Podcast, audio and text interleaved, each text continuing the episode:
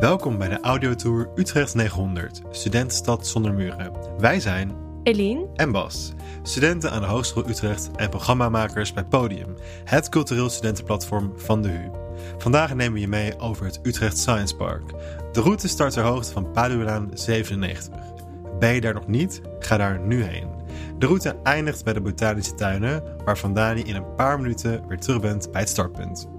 Waarschijnlijk heb je het in de stad al voorbij zien komen. Posters, vlaggen, deurmatten met de tekst Utrecht 900. Het is dit jaar namelijk 900 jaar geleden dat ons mooie stadsie Utrecht stadsrechten kreeg. In die 900 jaar is de stad uitgegroeid tot een plek waar muren werden opgebouwd en afgebroken. Je staat op het Utrecht Science Park, een plek die wordt gekenmerkt door hoge gebouwen waar onwijs veel verschillende studenten rondlopen. Feestgangers, topsporters, internationals, noem maar op. Een plek waarvan alles samenkomt. Maar wat voor verhalen gaan er schuil achter deze mensen? Welke muren zijn er hier doorbroken? Om hier achter te komen verzamelden wij, Eline en Bas, unieke verhalen van studenten. Tijdens deze audiotour wandel je langs plekken op het Science Park die betekenisvol waren voor deze studenten. De eerste plek waar we je mee naartoe nemen is het regenboogfietspad, waar je als het goed is nu recht voor staat. Een fenomeen dat niet te missen is als je wel eens op het Utrecht Science Park bent geweest. Maar weet je eigenlijk welke kleuren op het regenboogfietspad staan? Kijk maar eens naar het beginpunt. Je ziet hier alle kleuren van de progressieve Pride-vlag. Allereerst de klassieke regenboogkleuren rood, oranje, geel, groen, blauw en paars. Daarnaast zie je de kleuren bruin en zwart die toegevoegd zijn aan de Pride-vlag om queerpersonen van kleur te representeren. En helemaal aan het begin in de driehoek zie je nog de kleuren van de transgendervlag, namelijk wit, roze en blauw. Al deze kleuren samen vertegenwoordigen de hele LHBTIQAP gemeenschap. Hoe dit fietspad tot stand kwam, dat ga je zo horen in het verhaal van Elias, de initiatiefnemer van dit fietspad.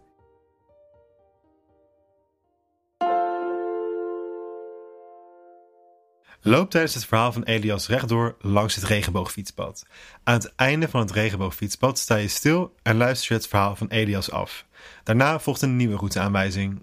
Je gaat horen hoe Elias muren heeft doorbroken. Of eigenlijk in zijn geval een fietspad heeft ingekleurd. Maar eerst gaan we met hem terug in de tijd, precies naar de plek waar jij nu staat.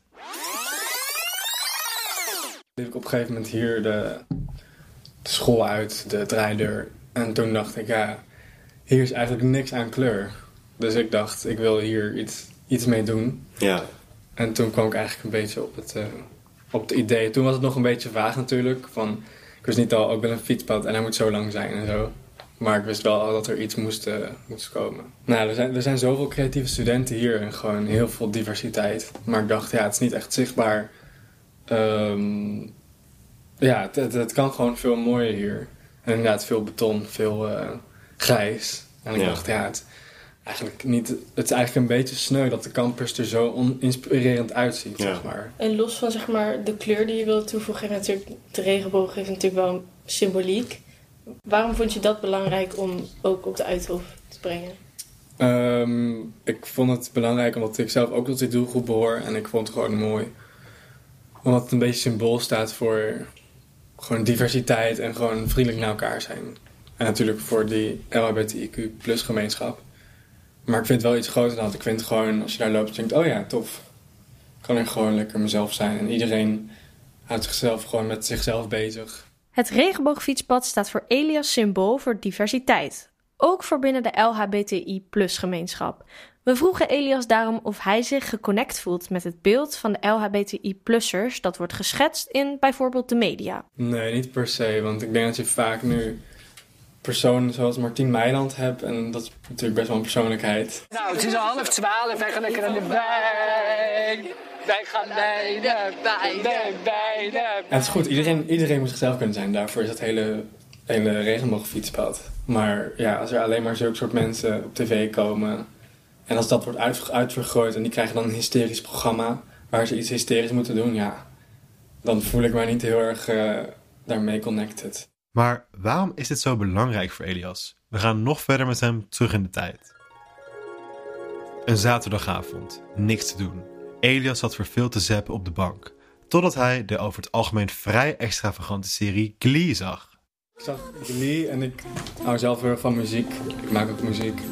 En ehm, toen ik dat zag, dacht ik... Oké, dit is wel tof. Beetje de eerste aflevering en zo. En op een gegeven moment kwam er ook gewoon iemand bij waar ik me heel erg in herkende. Dat, dat was dan minder die stereotypering. Ja.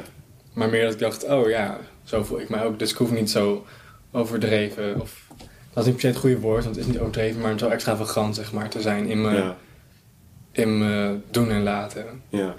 Dus eh, toen ik keek, dacht ik, kijk, dit is wel echt een beetje hoe je het zou willen hebben of zo. Ja.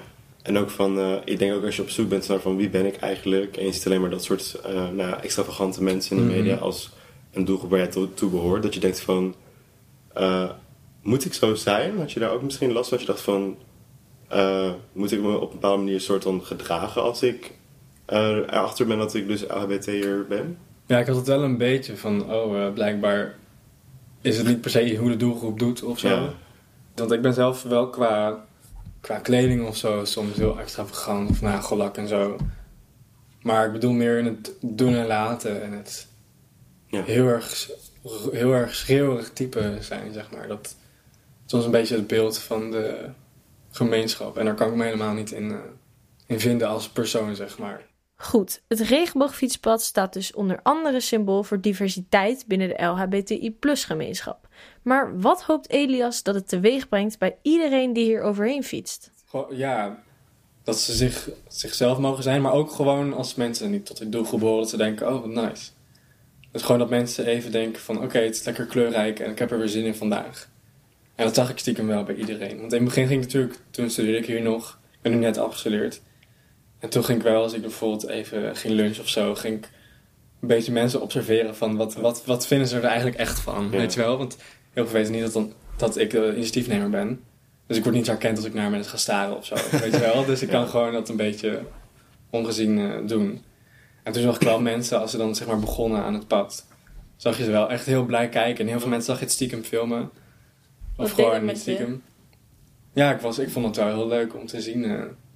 Dat was wel echt een beetje het doel. Dat ik dacht, ja, dat er, dat iemand overheen fietst en het gewoon naar zijn vriend, vriendin appt van, oh wat leuk dit. Zullen we een keer samen heen gaan of zo? Zo'n Oh, soort ja. dingen. Op zijn studie social work heeft het ook het een en ander teweeggebracht. Elias vond dat er tijdens de lessen te weinig aandacht werd besteed aan thema's rondom LHBTI-plussers. Ik werd een keer behandeld als een soort horrorcollege of zo. Maar ja, er zijn miljoenen mensen in Nederland die zich zo identificeren met die doelgroep. Dus ik vind het heel raar dat het dan één hoorcollege is. Vooral in een, eh, in een mensenstudie. En dat is nu met het regenboogfietspad wellicht verbeterd. Ja, het wordt nu alleen maar daarover ge- gepraat. eh. gewoon als mensen er ook overheen lopen, bijvoorbeeld samen, hebben ze het er ook al over. Want het was gewoon toen het er net lag, was het gewoon niet te missen, zeg maar. Dus iedereen had het erover. Dus dat is wel leuk dat het echt dat gesprek aanwakkerde. En nog steeds. Ook wakkerde het veel media-aandacht aan. Elias kwam terecht in een tsunami van persvragen. Hij en het fietspad kregen zowel positieve als negatieve reacties. Er waren mensen bang dat het symboolpolitiek was. En dat is het overduidelijk niet. Want er zat een heel programma achter, zeg maar, met workshops en met, ehm, met veranderingen in het beleid van de hogeschool en de universiteit en het UMC. Dus dat vond ik wel heel erg vervelend, omdat er niet was gecheckt van wat is er. Want je hebt in GSA heeft een power platform voor mensen die ehm, wat moeilijker studeren, zeg maar, of die meer hulp nodig hebben. En je hebt ook ehm huurhome voor vluchtelingen. Dus ik dacht van, wat is dit voor rare opmerking? Want je hebt niet eens gecheckt wat er allemaal wel is. Ja, hoe ga je daar ook mee om als je bijvoorbeeld heel veel negatieve reacties leest? Ja, ik krijg er vooral een heel vol hoofd van. Ja. was wel vervelend. Ik moest ook één keer aangifte doen bij de politie. En toen dacht ik wel een beetje van, ja, ik heb hier geen zin in. Omdat je een bedreigende reactie kreeg. Ja. Dus dat was wel eh, vervelend. Ja, kan je dat makkelijk van je losslaan? Ja, dat, dat wel. Oké. Ja, het doet, het doet me niet zoveel meer wat iemand ook zegt. Het, is meer, het was nu meer de hoeveelheid. Dat ik dacht, pff, Maar het heeft je nooit zo diep in het hoofd gekropen dat je dacht... Oh, ik had die hele, hele fietspad had ik niet moeten maken. Nee, nee al zou het, al zou het eh, in het extreemste geval het einde betekenen voor mij, zeg maar. Dat is wel heel extreem hoor, maar stel zoiets, dan denk ik alsnog, ja, zou ik het nog steeds zo doen. Aan het begin hoorde je het al. De naam van deze audiotour is Utrecht 900, studentenstad zonder muren. Daarom stellen we Elias de vraag, hoe heb jij muren doorbroken? Dus ik denk een soort muur doorbroken van ja, gewoon doen en niet zo denken over. Ik vind het gewoon zo irritant als mensen aan me vragen hoe ga je dit doen, hoe dat. Ik denk, dat zijn allemaal beren die mensen op de weg zien. Dat ik denk, ja, als het uiteindelijk niks wordt, dan ga ik naar mijn volgende project. En ik wacht gewoon tot het wel iets wordt. Ja. En dit was ook een, een heel raar groot project, maar het is uiteindelijk toch gelukt. Ja. En ik heb niet een stap voor op anderen of zo. Ik ben ook gewoon een mens die. eh, Elk, elk andere persoon zou dan dit kunnen doen. Wat zou je willen meegeven aan studenten die het luisteren? Ehm, ik zou willen meegeven dat je gewoon. Ja, ieder- iedereen, heeft goede, iedereen heeft ideeën, letterlijk iedereen. Maar heel weinig mensen komen tot uitvoering. Omdat ze heel erg gaan denken: oh, maar. En als je dat gewoon niet doet, is echt, echt gewoon heel simpel. Gewoon niet denken: oh, maar. Maar gewoon overal een komma achter zetten. Van dit ga ik doen, komma. Door, door dit en dit te doen. Komma, hoe ga ik. Weet je wel, dus gewoon heel erg door blijven denken in plaats van gelijk denken, oh maar hoe ga ik dit? Dan, dan is het gelijk, dan denk je gelijk bij jezelf, ja, gaat toch niet lukken. Dus dat is gewoon super demotiverend. En ja, het is gewoon goed als je jezelf motivatie inpraat. Dit was het verhaal van Elias. Ik vond het echt hartverwarmend om te zien hoe blij hij werd van de reacties die anderen hadden op het fietspad. Als het goed is, sta je nog steeds aan het einde van het regenboogfietspad. Als je naar rechts kijkt, zie je het onderwijsgebouw Heidelberg Berglaan 15. Zo niet, doe de audiotour even op pauze en loop erheen. Zoek lekker een zitplekje of blijf staan rond de ingang van Heidelberg Berglaan 15. Je gaat nu luisteren naar het verhaal van Memo, die niet alleen voor zichzelf muren heeft doorbroken als nieuwkomer in Nederland, maar ook op het Science Park. De locatie van Heidelberg Bergland 15 was een aantal jaar geleden een turning point voor hem. Hier later meer over. Memo is jaren geleden gevlucht vanuit Aleppo naar Nederland. Hij kwam terecht in Utrecht waar hij ging studeren aan de HU. Ik ben eh, in 2010 in Nederland aangekomen. Ehm, ik moest drie jaar afwachten totdat ik een verblijfsvergunning kreeg. Eh, toen duurde het lang voor Syrische vluchtelingen. Dus drie jaar was ik op het AZC. Ik, moest, eh, ik mocht de taal niet leren, officieel. Eh, dus ik heb dat gedaan eh, door vrijwilligerswerk te doen. Daarna in 2013 heb ik verblijfsvergunning gekregen en toen op dat moment had, ik, had ik een grote deel van de taal zelf geleerd. Ik heb een cursus gevolgd van zes maanden en dat was voldoende zodat ik begin met een opleiding. Ja. Maar waarom is Memo eigenlijk naar Nederland gekomen? Ik ben eh, naar hier gekomen omdat ik eh, een politiek probleem had in Syrië. En toen kreeg ik geen verblijfsvergunning hier, omdat ik van INT kreeg te horen: je komt uit een veilig land. Nou, ik zei dan, dat weet ik. Het, het ging mis in het hele land. Dus niet alleen maar degenen die politiek problemen hebben, die van mening zijn tegen de regering, of et cetera. Niemand kon zijn mond meer ophouden en dat was een, een turning point. Syrië werd door de IND officieel als een onveilig land verklaard. Dus kon Memo toch in aanmerking komen voor een verblijfsvergunning. Maar aan die verblijfsvergunning ging veel vooraf. Aangezien Memo in Syrië tot een minderheidsgroep behoort, mocht hij geen paspoort. Daarom had hij geen andere keuze dan illegaal het land uitreizen via smokkelaars. Hij had geen idee waar hij terecht zou komen. Kijk, als je illegaal eh, reist tussen, tussen landen, dan, dan, dan kun je niet beslissen van ja, ik weet je wat, ik wil naar Amerika of ik wil naar Canada Ja. of ik wil naar Engeland. Nee, Want de kans is groot dat je opgepakt wordt. Toen ging je niet eh, denken aan, aan de landen. Ik ging alleen maar denken aan mijn toekomst, aan eh, ja, wat moet ik doen met mijn leven, weet je wat, waar kan ik blijven. Na een lange reis kwam hij in Nederland aan. Hij wist niet wat hij moest verwachten, totdat hij in gesprek ging met de IND. Zij beoordelen aanvragen van mensen die in Nederland willen wonen. Naast een nieuwe taal leren moest Memo ook volledig opnieuw integreren in een samenleving. Dat deed hij door zoveel mogelijk mensen te ontmoeten en vrienden te maken. En daarbij kwam hij ook achter veel culturele verschillen tussen Nederland en Syrië. Dus ik heb iemand ontmoet eh, online en toen eh, werden wij vrienden. Zij, zij woonde ook dichtbij waar ik woon. Dus, eh, eh, dus de ene keer heeft zij voorgesteld dat, wij, dat ik bij haar ga eten. Ehm, nou, haar man was ook thuis. En toen ik daar aankwam, eh, we gingen eten, praten, praten. En toen was het eh, ja, rondom eh, half tien of zoiets, dacht ik. Ehm, dus ik dacht, in mijn hoofd dacht ik, ik ga nu naar huis. Je. Het, is, het is nu begon laat te worden, maar het was echt niet zo laat. Niet heel laat. En, dus ik dacht, maar toen gingen zij praten, praten, vragen stellen, interesseerd tonen en dit en dat. En dan nog een paar minuutjes zegt de vrouw, weet je wat, wij vonden het heel gezellig. Maar ik stap, maar normaal gesproken slaap ik om tien uur, dus je, mag, je kan weer vergaan. En toen dacht ik, nee, hoe brutaal is dat? Hoe, hoe doe jij dit? Dat is, zo, dat is niet gekend in... Uh... Nee, bij, bij, bij ons, als iemand bij jou te gast komt en hij blijft tot 1, 2, 3, 4, 5 uur, dan zeg je nooit tegen hem, je mag weggaan. Ja. Of, of kijk je bos naar hem, of doe je dit. Je blijft gastvrij, mm. weet je, je glimlacht altijd. Jij denkt, ja goed, dit is één keer gebeurd, maar prima. Ja. Um, maar hier is het andersom. Mensen zijn heel direct. Direct, ja. Heel direct. Naast socializen moest Memo ook op zoek naar een invulling van zijn dagen. Hij wilde gaan werken. Echter waren zijn diploma's niet meer geldig, dus moest hij in Nederland opnieuw gaan studeren. Zo kwam hij op het Utrecht Science Park terecht. En toen begon ik met Life, uh, life Sciences in, um, uh, in Utrecht. Um, dus dat is de opleiding die, heb, die ik in Syrië heb afgerond. Maar ik vond de opleiding zelf niet, niet, niet meer interessant.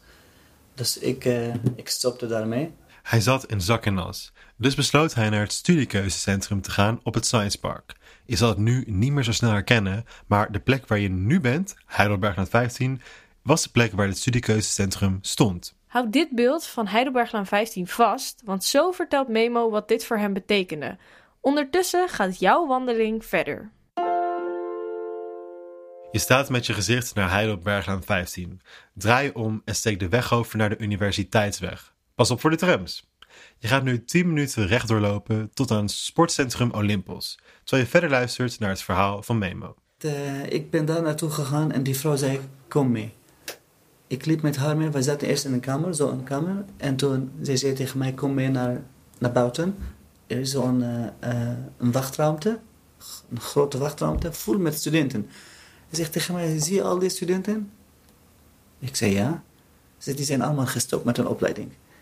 Dus je bent niet de enige. Dus hij zegt, het is heel, het is heel normaal in Nederland. Want dat betekent dat je ook goed geïntegreerd bent. En toen moest ik lachen, want, uh, ik heb iets gedaan wat uh, Nederlandse studenten zelf doen. Dat was goed voor mij, weet je wat. En toen, uh, en toen voelde ik me weer goed. Na zijn afspraak bij het studiekeuzecentrum besloot hij docent Engels te gaan studeren aan de HU. Hij ging niet alleen studeren, maar na zijn studie richtte hij ook HU Home op. HU Home um, is een project um, waarin wij hoogopgeleide vluchtelingsstudenten helpen met hun studie, zodat zij niet stoppen met, op, met hun opleidingen, maar wel doorgaan. Um, het, het, project bestaat uit uh, drie potten. We hebben een mentoringprogramma waarin wij bijvoorbeeld de Nederlandse studenten koppelen aan uh, hoogopgeleide vluchtelingstudenten die hier op Hogeschool Utrecht uh, studeren. Um, we hebben een taalcafé en dat is in het gebouw 97, fysiek. Tijdens corona was het online. dat is de tweede. En de derde, wij doen mee aan activiteiten van Hogeschool Utrecht en wij organiseren zelf activiteiten voor studenten, zodat zij meer met elkaar kunnen uh, communiceren, elkaar leren kennen, uh, zodat zij zeg maar, uh, zich thuis voelen. En dat heb ik gedaan, omdat ik, ik had altijd hulp nodig op het gebied van taal. En bijvoorbeeld als je een verslag schrijft of typt, dan mag je per A4'tje vier fouten hebben.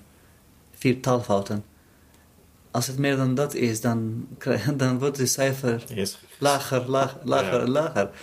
En kan je je voorstellen als jij uit een ander land komt en je hebt de taal geleerd, bijvoorbeeld jullie gaan uh, naar China, stel maar voor, niet omdat het leuk is, omdat het vakantie is, maar omdat jullie gedwongen zijn. Dan ga je Chinees leren of Japans.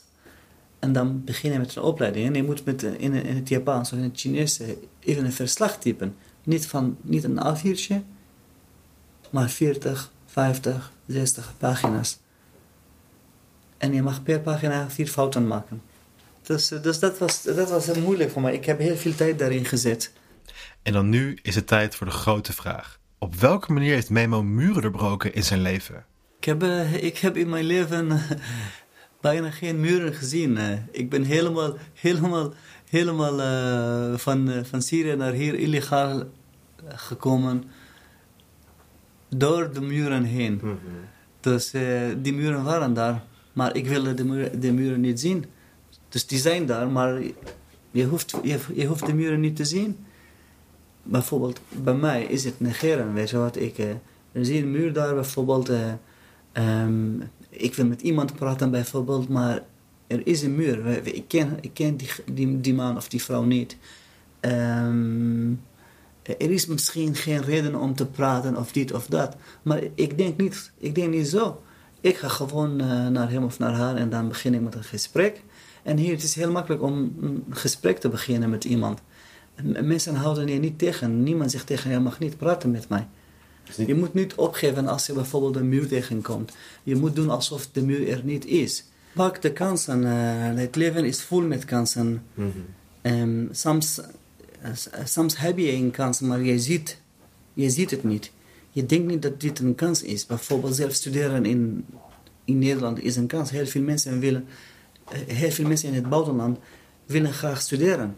En die kans krijgen zij niet. Je moet blij zijn met wat je hebt, waardeer wat je hebt en doe je best.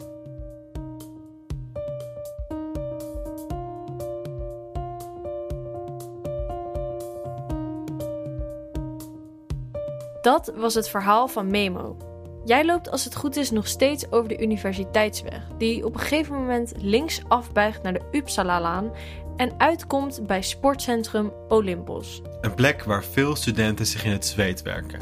Je wist het misschien niet, maar hier zijn ook topsportstudenten aan het trainen. Die, terwijl jij gewoon aan het blokken bent, muren doorbreken op hoog niveau. Wie hier ook trainen zijn Merel Hallo. en Joske, Hallo. twee topsportstudenten aan de HU. Joske doet aan voltige, Merel aan rugby. Ze vertellen over hoe ze in de topsportwereld terechtkwamen. Terwijl je hier naar luistert, loop je verder tot aan Olympos. Een groot wit gebouw aan je linkerhand waar de grote letters van Olympos niet te missen zijn. Eenmaal daar aangekomen ga je naar de ingang en luister je daar verder. Ik ben denk ik zes jaar geleden begonnen met rugbyen. Dit is dus Merel. Ehm, in mijn studententijd. Ik heb toen eh, uitgelopen en toen eh, was ik op zoek naar een nieuwe sport. En toen kwam ik het standje van de rugby tegen. En daar werd ik gelijk aangesproken door eh, mijn toekomstige teamgenoten. En toen dacht ik, ja, waarom ook niet? Waarom ga ik het niet proberen? En na één training was ik eigenlijk gelijk verliefd. Ik merkte dat het een hele leuke groep was, een hele leuke sport. Het begon er al mee dat daar bij de kraam stond iemand van, nou, 1,90 en denk ik gerust 150 kilo. En er stond iemand van 1,60 en 50 kilo. Dus toen dacht ik al, allebei deze mensen die rugbyen, Ja. dan moet het wel voor iedereen ja. kunnen. Ja.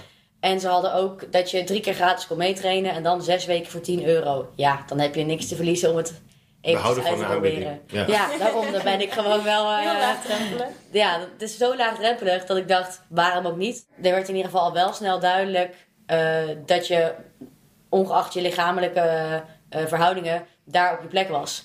Want ik was toen ook echt nog een stuk zwaarder. En ik werd specifiek aangesproken omdat ik een stuk zwaarder was, of ik niet wou gaan rugbyen. En achteraf gezien snap ik ook waarom. Omdat dat juist mensen zijn die je heel erg hard nodig hebt in je team. En dat vond ik die eerste training ook zo opvallend. Waarom ik gelijk verliefd werd, is dat ik niet in één keer de langzame, eh, dikke persoon was.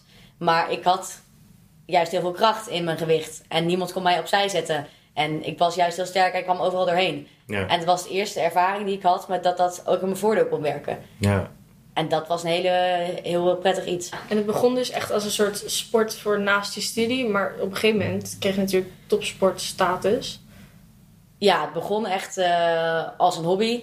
En ook, bij- het is een studentensportvereniging. Dus de eerste twee jaar heb ik me gewoon echt helemaal ondergedompeld in het studentenleven. En veel de kroeg in. En eh, rugby heeft echt een groot sociaal aspect ook. Dus ik ben daar helemaal voor gegaan. Tot ik steeds weer ietsjes beter werd, ietsjes fitter werd. En ik ben van nature ook gewoon heel fanatiek. Ehm, en dan ga je, dan wil je graag met het eerste meespelen. En dan speel je met het eerste mee. En denk ik, oh, ik wil graag die basisplek. En dan heb je die basisplek. En denk je, oh, ik wil graag de beste zijn. En dan heb- verleg je steeds je doelen naar wat hoger. En dan ga je het steeds meer serieus nemen. Dus dan gaat dat, de kroeg wordt naar achter verschoven. En je gaat nieuwe prioriteiten maken. Misschien had je leven er dus heel anders uitgezien als je, dat, als je het kraampje niet was tegengekomen. Absoluut. Ja. Absoluut. Rugby, ik zeg het nog steeds met volle overtuiging dat rugby de beste beslissing is die ik ooit heb gemaakt. Joske, wanneer begon jij met voltige? Ik denk dat ik 11 of 12 was toen ik echt ben begonnen met voltige. Ik heb eh, daarvoor op turnen gezeten en eh, mijn zus die zat altijd paardrijden. En eh, nou ja, het is natuurlijk een beetje een combinatie van turnen, paardrijden en een soort dans op een paard. Ehm, en mijn zus heeft toen, is toen begonnen met voltige, want ze deed dat op die manege. En toen nou, ging ik veel mee natuurlijk om te kijken. Eh, en eerst was ik altijd zelf een beetje bang voor paarden. Dus ehm, ja, op een gegeven moment toch wel eh, ook een beetje gaan proberen. En toen vond ik toch eigenlijk stiekem wel heel leuk. En eh, we hebben ook een soort van oefenpaard, een soort van bok is dat. En daar ging ik wel eens dingen op proberen en zo. En ook andere meiden die zeiden van, oh kom eens meedoen. Waren vaak wat grotere meiden. En dan vond ik het toch wel heel leuk. En dan vonden ze ook wel als ik iets deed dat ik het ook meteen wel goed deed of zo. Dat ik wel een soort van talent had. En ja, dat vond ik ook altijd wel dan... Het sprak je toch wel aan. Of je dacht van, oh, dat is toch wel bijzonder of zo. Van, ik doe het goed of het is mooi of weet ik veel wat. En dan, uh, ja, dat trok je toch wel aan. Ja. En dat je dan ook steeds wel meer wilde gaan proberen. Het helpt gewoon heel erg als mensen zeggen, oh, wat doe je dit goed? denk je, oh, ja, ik, ik kan iets of zo. Ja, en ja. ik was inderdaad vroeger ook niet altijd de fitste of de ja, meest bijzondere qua sport of zo. En dan als iemand dan op zo'n moment tegen je zegt van dat je dat goed kan of dat je aanleg hebt, dan ja, waardeer je dat wel heel erg. Als het goed is, sta je inmiddels voor de ingang van Olympos. Kijk vooral even om je heen naar de sportvelden waar Merel en Joske regelmatig te vinden zijn. Sta je nog niet bij Olympos, zet de tour even op pauze en loop er naartoe. Vanaf daar volgt nu een nieuwe routeaanwijzing. We gaan 10 minuutjes lopen naar de ingang van de botanische tuinen. Ga met je rug naar de hoofdingang van Olympos staan en dan recht voor je neus zie je een weggetje met paaltjes. Loop dit weggetje op met de parkeergarage aan je linkerhand. Na de parkeergarage sla je rechtsaf de Harvardlaan in. Naast de topsport studeren Merel en Joske aan de HU. Joske studeert deeltijd fysiotherapie en Merel doet een master wiskundedocent eerste graads deeltijd. Is dat eigenlijk wel een beetje te doen naast het drukke bestaan als topsporter? Ja, ik denk wel dat het heel erg van je studie afhangt. Um, maar het is goed te doen, want je moet goed plannen. Het is bijvoorbeeld, um, ik heb ook een deeltijdstudie, dus ik ben hier alleen op woensdagen. En op woensdagen heb ik les tot half acht, maar om kwart voor acht begint training. Dan ga ik gelijk vanaf hier naar training toe, maar dat kan omdat ze dicht bij elkaar ligt. Uh, en verder moet je gewoon heel goed je time management op orde hebben. Dat betekent als je s ochtends of s avonds traint, dat je daar ook op tijd voor opstaat. En daarna nog tijd inplant om te studeren. Want je moet dat wel goed geregeld hebben. Ja. ja maar je zegt best wel goed te doen, maar je hebt er toch wel best wel discipline voor nodig om dat rond ja. te krijgen. Ja, je hebt niet zoveel tijd om niks te doen en op de bank te gaan zitten. Um, dus je moet wel de discipline kunnen opbrengen om als je tijd om te studeren, dat je dan gaat studeren. En heb je dat ook? Uh, ja, ik merk wel dat uh, nou, sowieso de opleiding fysiotherapie is wel heel goed ook meteen direct toepasbaar met, met Oh. trainingen en zo. Dus eigenlijk dingen zijn heel goed te relateren aan uh, al hoe ik soms train en uh, hoe het lichaam werkt. Dat ja, gebruik ik ook bij mijn sport natuurlijk.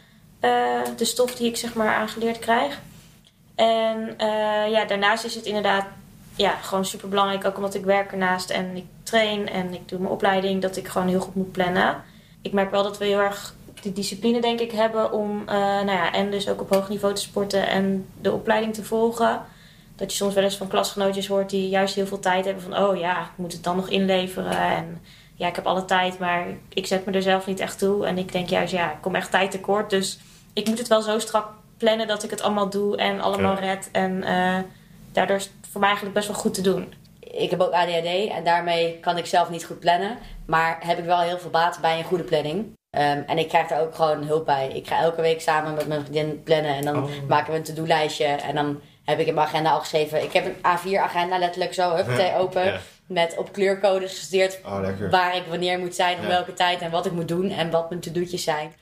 Het studentenleven van Merel en Joske ziet er anders uit dan die van studenten die niet bezig zijn met topsport. Ik herken ook wel wat jij zegt van studiegenoten die dan alle tijd van de wereld hebben en dan zaken niet af hebben. Terwijl ik denk, ja, ik loop eigenlijk altijd met alles voor. Omdat ik, Precies, je moet wel. Je moet wel. Ja. Je bent niet alleen met je sport, denk ik, hoog aan functioneren, maar ook met je studie. Alles gaat gewoon op extreem hoog functioneren, omdat je wel moet. Anders kan Ja. het niet naast elkaar leven. Ja, en ik merk ook wel, ja, omdat ik dit allemaal niet doe en op tijd naar bed ga en niet drink en weet ik veel wat dan. Eh, ja, dat levert je iets op en dat heb je er dan graag voor over, zeg maar. Ja. En ook daarnaast, ja, op de trainingen en zo, daar ben je met eh, andere clubgenootjes die er net zo hard voor werken en hetzelfde doen. En daar heb je ook eigenlijk een beetje je sociale leven. Ja. Eh, en je begrijpt elkaar heel goed omdat je eigenlijk hetzelfde doet. Ja. En ook eh, weet wat voor discipline je ervoor nodig hebt. Dus Ja. ja, Dus dat is ook wel ons sociale leven, denk ik. Dat het voor jou ook Absoluut, ja. Ja, ik denk dat rugby sowieso een hele bijzondere cultuur heeft. Ehm, internationaal gezien ook is bij elke club waar je naartoe gaat, in welk land dan ook, een hele bijzondere cultuur van respect naar elkaar toe eh, en respect naar anderen toe. Dat is overal heel erg open en toegankelijk.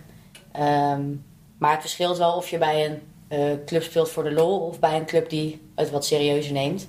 Zo is het bij mijn eigen club. ehm, in het tweede team is altijd, altijd alles heel erg gezellig. En gaan ze na de training een biertje doen. En is het ook een heel groot sociaal aspect buiten de training om. Dus mensen spreken met elkaar af of gaan samen naar de kroeg. En los daarvan heb je ook veel verschillende soorten mensen. Want je moet wel maar gaan bedenken.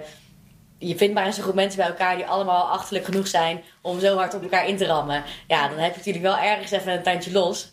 Ehm, maar dat maakt het ook heel leuk. Ja, En hoe is die community bij jou? Want het is natuurlijk een iets individuelere sport. Ja, dat is het wel. Maar toch hebben wij een club. eh, ja, bij ons is het eigenlijk nu het hoogste niveau waar wij eh, trainen. Dus iedereen gaat, heeft wel dezelfde drive om echt voor die topsport te gaan. En dat biedt sowieso wel een connectie. Omdat je gewoon met elkaar echt hard werkt voor bepaalde doelen. En ook met je trainster en de longeur. Dus degene die het paard begeleidt. Je bent echt wel een team met z'n allen. Ook al is het een individuele sport. En je helpt elkaar ook gewoon heel erg waar je kan. Ook je, je clubgenootjes, zeg maar. En ja, je maakt ook gewoon veel mee met elkaar. Je, op de trainingen, je merkt je struggles. Weet je, eh, onze sport is soms best wel eng. Als je bepaalde nieuwe oefeningen gaat proberen. Ehm, ja, je hebt altijd wel dat je even meemaakt met elkaar van... Oh, dat iemand... Dat het gewoon niet lukt mentaal of zo. Of dat je jezelf er niet doorheen krijgt. Of, ehm, of juist de overwinningen op wedstrijden die je ook met elkaar deelt. Waar het samen lukt. Of als het een keer echt niet gaat op een wedstrijd. Weet je, dat verdriet deel je ook met elkaar. Dus je bent echt wel... Het voelt gewoon echt als familie. Als het goed is, ben je nog steeds aan de wandel, terwijl je de botanische tuinen al ziet liggen aan je linkerhand. Blijf de bordjes volgen richting de bezoekersingang. Ben je er aangekomen, luister het verhaal van Merel en Joske af en wacht tot de volgende aanwijzing. Wanneer Merel en Joske aan nieuwe mensen vertellen over hun topsport, krijgen ze wel eens te maken met vooroordelen. Bijvoorbeeld dat rugby een sport zou zijn die alleen maar heel ruig en voor mannen is, en dat voltige een sport is die je helemaal niet serieus kan nemen. Onzin natuurlijk. Maar welke vooroordelen hadden Merel en Joske over elkaar sport? Ja, ik denk inderdaad wel. Ik, jij zegt dat voltige soms het vooroordeel heeft dat het een beetje suffig is. Ik denk als je het voor het eerst hoort, dat je dat ook wel de eerste, ding, de eerste indruk is. Maar ik heb toevallig een teamgenootje wat voltige heeft gedaan. Dus ik weet dat dat helemaal niet het geval is. Ehm, ja, het blijft voor mij een hele bizarre sport. Omdat het zo niet vergelijkbaar is met dingen die ik doe. En ik snap het ook gewoon soms niet. En ja, het blijft voor mij soms een beetje het rondjes rennen met een paard en er dan trucjes op doen. Ja. Terwijl ik wel weet dat het super ingewikkeld is. En dat is denk ik ook wel een beetje... Ja, het beeld wat ik dan bij rugby heb, inderdaad echt wel een harde sport. En echt met z'n allen keihard achter die bal aan en op elkaar duiken. En, en dat soort... Ja, gewoon echt heel ruig. Heel, Ja. ja. Ja, nou, niet per se echt een vrouwelijke sport. Maar toch ook wel vet als je dat als vrouw juist kan doen. En eh, ja, je moet echt wel sterk en...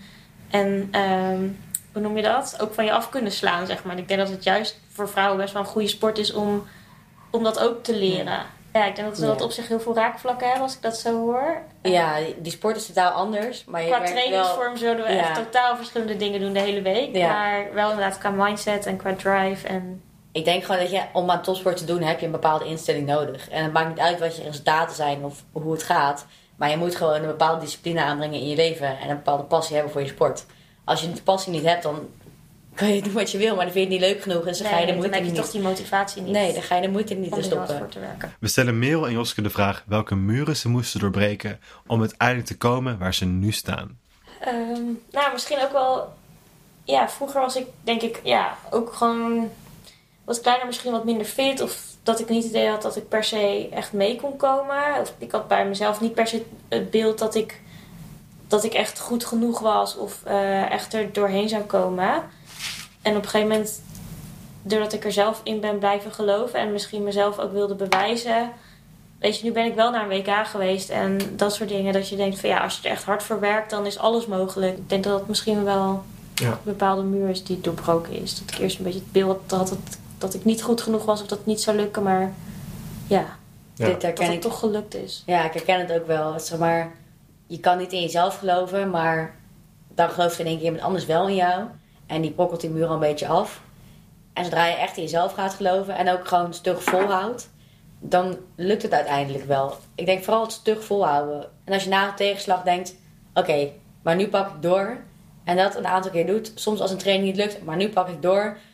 Dan zijn dat dat de muren die je stukje bij beetje afbreekt. Het is niet alsof er één moment is waarop je in één keer de beslissing maakt: vanaf nu ben ik topsporter. Vanaf nu ga ik dit doen en ga ik voor dat WK werken. Het is een langdurig proces waarbij je, denk ik, niet per se een muur afbreekt, maar eerder een soort trapje bouwt, zeg maar. Waarbij je Ja. stap voor stap ga je een stukje verder en dan zie je steeds meer doelen. Ja, Ja, het is echt stapje voor stapje. Ja. En Ja. soms dan, eh, weet ik veel, dan brokkelen er een lange tijd geen, eh, geen steentjes af, zeg maar. Ja. En dan op een gegeven moment gaat het weer een stuk sneller.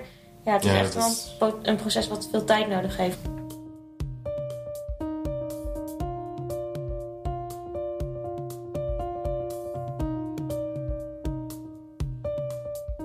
Nou, er is best wel een wereld voor me opengegaan dat die topsporters hier bijna elke dag muren aan het doorbreken zijn op die sportvelden van het Science Park. Zelf kom ik er eigenlijk bijna nooit. Nee, ik ook niet. Ik vind dat eigenlijk best wel cool. Ja, terwijl wij gewoon aan het studeren zijn, is daar zoveel aan de hand. Ja, en zitten zij zich helemaal in zweet te werken? Ja, dat vind ik wel episch. Ja. Tijd om de botanische tuinen in te gaan. Ben je nog niet aangekomen bij de bezoekersingang? Loop rustig verder tot je daar bent. Deze is elke dag open van 10 tot half 5. Mocht je deze tour luisteren buiten deze tijden, kun je een mooie wandeling om de tuin heen maken. Met je huurpas of UU-pas mag je hier altijd gratis naar binnen. Heb je geen pas, dan krijg je speciaal voor deze audiotour ook gratis toegang door aan de balie te laten zien dat je deze tour aan het luisteren bent. Druk nu op pauze en luister verder als je binnen bent.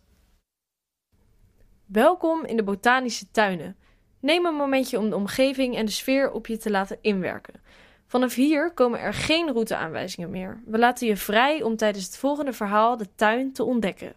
Als allerlaatste gaan we luisteren naar het verhaal van Nera. Ze kwam hier voor het eerst in de introductieweek van haar studie. Het was daar heel mooi. Heel veel, eh, ja, de vlindertuin was heel mooi, maar ook heel veel ongebruikelijke natuur. Dat was echt, eh, ik vond het heel erg bijzonder. Het is een compleet andere sfeer die daar opeens heerst vergeleken met de rest van, de, van het Utrecht Science Park. Helaas is Nera minder vaak in de botanische tuinen dan ze zelf zou willen. Eh, ja, ik heb diverse andersheden. Voor wie niet weet wat een andersheid is, dat is eigenlijk een beperking, maar ik vind dat een lelijk woord. Dus andersheid klinkt een stuk positiever. Ik heb diverse andersheden waardoor ik, eh, ja, waardoor ik, niet, waardoor ik niet alles meer aan kan. Waardoor ik eh, niet altijd ver kan lopen of ja, soms überhaupt helemaal niet meer kan lopen. Mijn lichaam kan mij zomaar in de steek laten. Dat kan eh, best wel onverwachts komen. Dan ja, ben je aan het en kan je opeens een hele heftige pijnaanval krijgen. Soms kan je dat nog een beetje in de kiem smoren door naar zo'n rustruimte te gaan en even een rustmoment te pakken. Maar soms ook niet. En dan is je hele dag eigenlijk wel verpest. Want dat hele reizen naar school toe, dat kost ook al veel energie. En eh, ja, dat heeft op die manier invloed op mijn studie. Maar daarnaast heb ik ook nog andere mentale andersheden. Waardoor ik soms wat, eh, ik denk wat anders als de meeste mensen. En soms heb ik een net wat andere aanpak nodig om dezelfde stof tot me te kunnen nemen. Omdat Nera soms een andere aanpak nodig heeft om te studeren, is ze nogal eens aangewezen op anderen. Maar hoe is het eigenlijk om vaak hulp te vragen? Dat kan best lastig zijn. Want ja, ik ben natuurlijk onzichtbaar anders. Je ziet het niet direct aan mij dat ik eh, andersheden heb. En ehm, dan is het begrip soms best wel ver te zoeken. Ik heb vooral gemerkt, ehm, ik heb in mijn allereerste leer had ik echt een geweldig leerteam. En eh, daar heb ik ook heel veel open gesprekken gehad. En ja, daardoor- doordat ik daar zoveel heb geleerd, is het nu ook wel wat makkelijker om hulp te vragen. Maar het is nog steeds wel erg moeilijk. Het is eh, niet alsof je denkt van, oh, je, je, hebt, je zit met een probleem, dus je doet het even. En dat is er dan maar net vanaf, hoe, hoe gaan mensen met jou om? Hoe ga je met mensen om? Is er een open sfeer? Is er, eh, wordt er het idee gegeven dat er ruimte is voor die hulpvraag?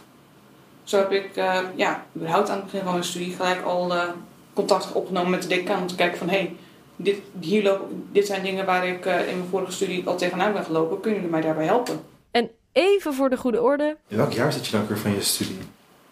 Maar ik heb al anderhalf jaar vertraging. Ja, Wat vindt u daarvan? Hoe vaak als ik wel niet heb gehoord, kan je niet, is er niet anders wat je leuk vindt wat je doet? Is er niet een andere studie? Of kan je niet Oh. beter wat anders gaan zoeken? Werd dat demotiverend? Heel erg. Dat is ook iets wat ik sowieso aan alle docenten die dit horen en decanen die dit horen wil meegeven. Ga niet uit van het slechte. Kijk eerst wat er wel mogelijk is, alsjeblieft. Niet dat als, het, als het misgaat, betekent niet gelijk dat het, dat het helemaal mis hoeft te gaan. Ik bedoel, ik heb de hersens ervoor. Ik heb alleen een andere, ik bewandel alleen een ander pad. Ik ben dan eh, iemand met autisme die de communicatieopleiding doet. Nou, vaak als ik daar niet over heb te horen gekregen, kan je niet beter ICT gaan doen? Ten eerste, dat is stereotyperend. Ten tweede, waarom zou ik ICT moeten gaan doen als, als ik communicatie veel leuker vind? Ik vind dat veel beter bij mij passen. En juist doordat ik dat autisme heb, kan het ervoor zorgen dat ik unieke perspectieven kan geven. Dat ik juist uniek ben in de hele arbeidsmarkt. Dus ga dan uit van het uniek. Ga dan uit van wat is er nou bijzonder aan in op de positieve manier. In plaats van, ja, toch is wel bijzonder, dat is wel een speciaal gevalletje. Maar je klinkt nu wel redelijk, eh, hoe zeg je dat? Ik ken alleen het Engels woord empowered. Gewoon van, ik ga door. Maar ik kan me ook wel voorstellen dat je best wel aan jezelf hebt getwijfeld als je constant hoort van, ga iets anders doen. Dat blijf je ook echt wel doen. Ik denk dat ik dat blijf doen totdat de dag dat ik, dat mijn diploma in handen krijg. Ik klink nu inderdaad wel he- heel empowered, maar dat is meer... Ik wil andere mensen niet demotiveren. Ik wil laten zien van, oké, ondanks wat er allemaal gebeurt, ik blijf staan. Ik, ja, ik blijf doorgaan ondanks wat men van mij verwacht of zegt. Ik wil het beste eruit halen en ik weet dat, ik meer in mezelf, dat er meer in mij zit dan wat ik op dit moment heb behaald. Dus ik wil het laten zien. Ik wil het bewijzen aan de wereld. Dat ik, ja, ik ben Nera en kom op.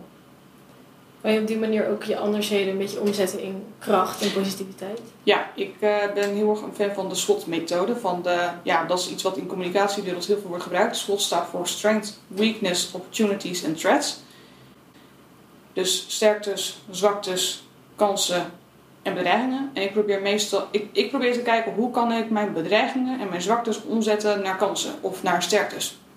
Ik bedoel, iemand, dus je zou mijn autisme kunnen zien als een zwakte of als een bedreiging, maar ik probeer het juist om te zetten naar een kans. Want ja, ik, ik, ja, ik heb autisme, maar ja, door, daardoor zie ik dingen objectiever. Waardoor ik het hele communicatievak ook op een, vanuit een ander perspectief kan bekijken. Doordat Nera veel andersheden heeft, kan ze zich ook beter inleven in andere mensen die struggelen. In elk leerteam probeer ik dat te doen. Ik probeer aan het begin van het schooljaar probeer ik dan eh, eigenlijk mijn verhaal te vertellen. Ik probeer een open boek te zijn. En meestal doordat je dat doet, gaan, gaan andere mensen zichzelf ook openstellen. Want er hoeft maar één iemand zich kwetsbaar op te stellen en een goede sfeer te zijn. En dan kan je een heleboel meer bereiken. En doordat ik dat doe, zie je ook dat andere studenten dat ook doen. En ik heb het idee dat ze daarom ook sneller bij mij komen van... hé, hey, ik heb met iets te maken. Ja. Ik kan, ze, ik, weet, ik kan ze niet altijd begrijpen. En dat geef ik ook aan. Ik zal nooit voelen wat jij nou voelt. Maar ik wil er wel voor je zijn. En ik wil je wel supporten. En waar komt de urge vandaan om andere mensen ook te helpen? Ik vind het mijn plicht. Ik weet niet beter... Ja, we zijn om elkaar te helpen. Dat is echt letterlijk mijn levensmotto. We zijn om elkaar te helpen. En ik heb zoveel shit meegemaakt. En dat gun ik andere mensen niet. Dus als ik al bepaalde wegen heb bewandeld... of als ik dingen weet... of als ik op een manier kan helpen... waarom zou ik dan iemand anders dat leed niet besparen? Dat is toch onzin? Is het niet een extra gewicht op je schouders? Nee. Ik denk dat het juist een extra drive is. Ja, misschien extra kracht dat je eruit put.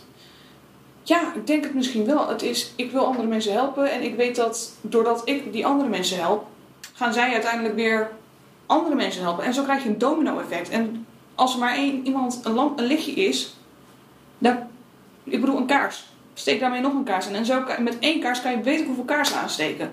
Wauw, dat was behoorlijk inspirerend. Maar we gaan toch nog de hamvraag stellen. Op welke manier heeft Nera muren doorbroken?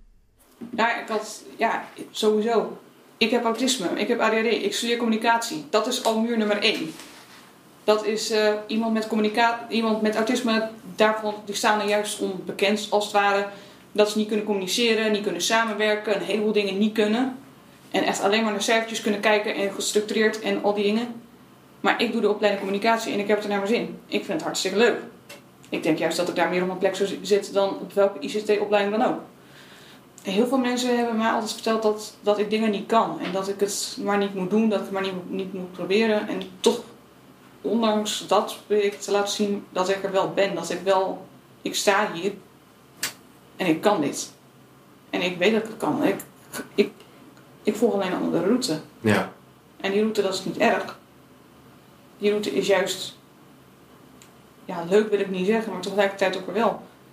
Het is juist, het zorgt er ook voor dat de HU weer van mij dingen kan leren, hoop ik. Wat zou je mee willen geven aan studenten die dit luisteren?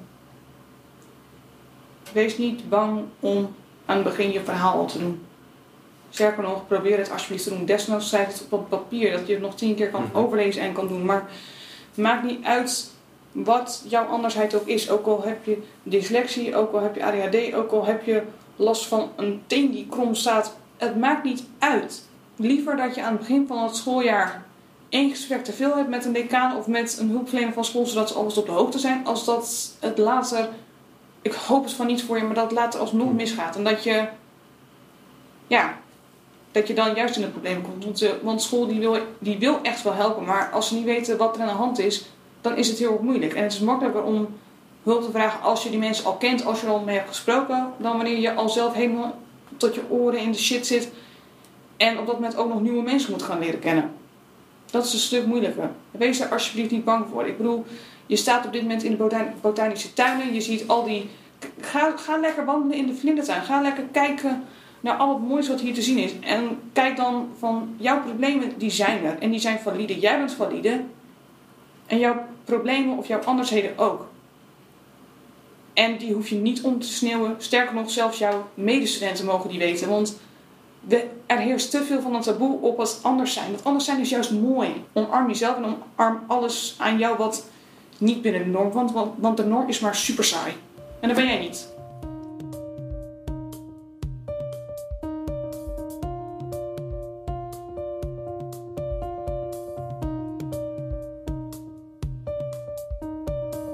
Ik vind het mooi wat Nera zei over die sociale normen achter je laten.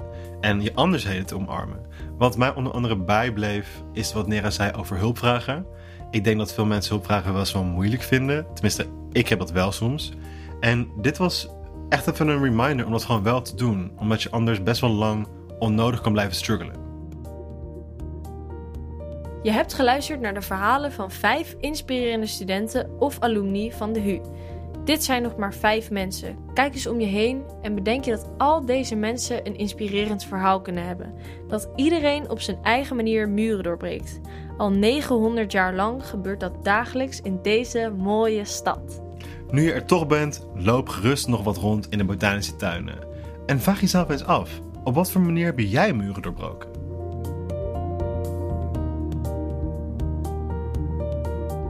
We zijn alweer aan het einde gekomen van deze audiotour. Leuk dat je geluisterd hebt. Je luisterde naar een productie van Podium, het cultureel studentenplatform van de Hogeschool Utrecht. Vond je het leuk? Laat dan een review achter en deel het met je vrienden. Wil je meer events van Podium meemaken? Kijk op podium.hu.nl voor de agenda of volg ons op Insta via podium.hu. Heel veel dank aan Elias, Memo, Joske, Merel en Nera voor het delen van hun verhaal. Wij zijn Bas Terstegen, en Eline Donker en wij maakten deze audiotour samen met Tim Schouten en Alinde Hoeksma. de muziek was van Eline Donker en de eindmix werd gedaan door Luc ten Hoor en Art Kok. Bedankt aan Utrecht 900 en de Botanische Tuinen voor het supporten van deze tour. Doei! Doei doei!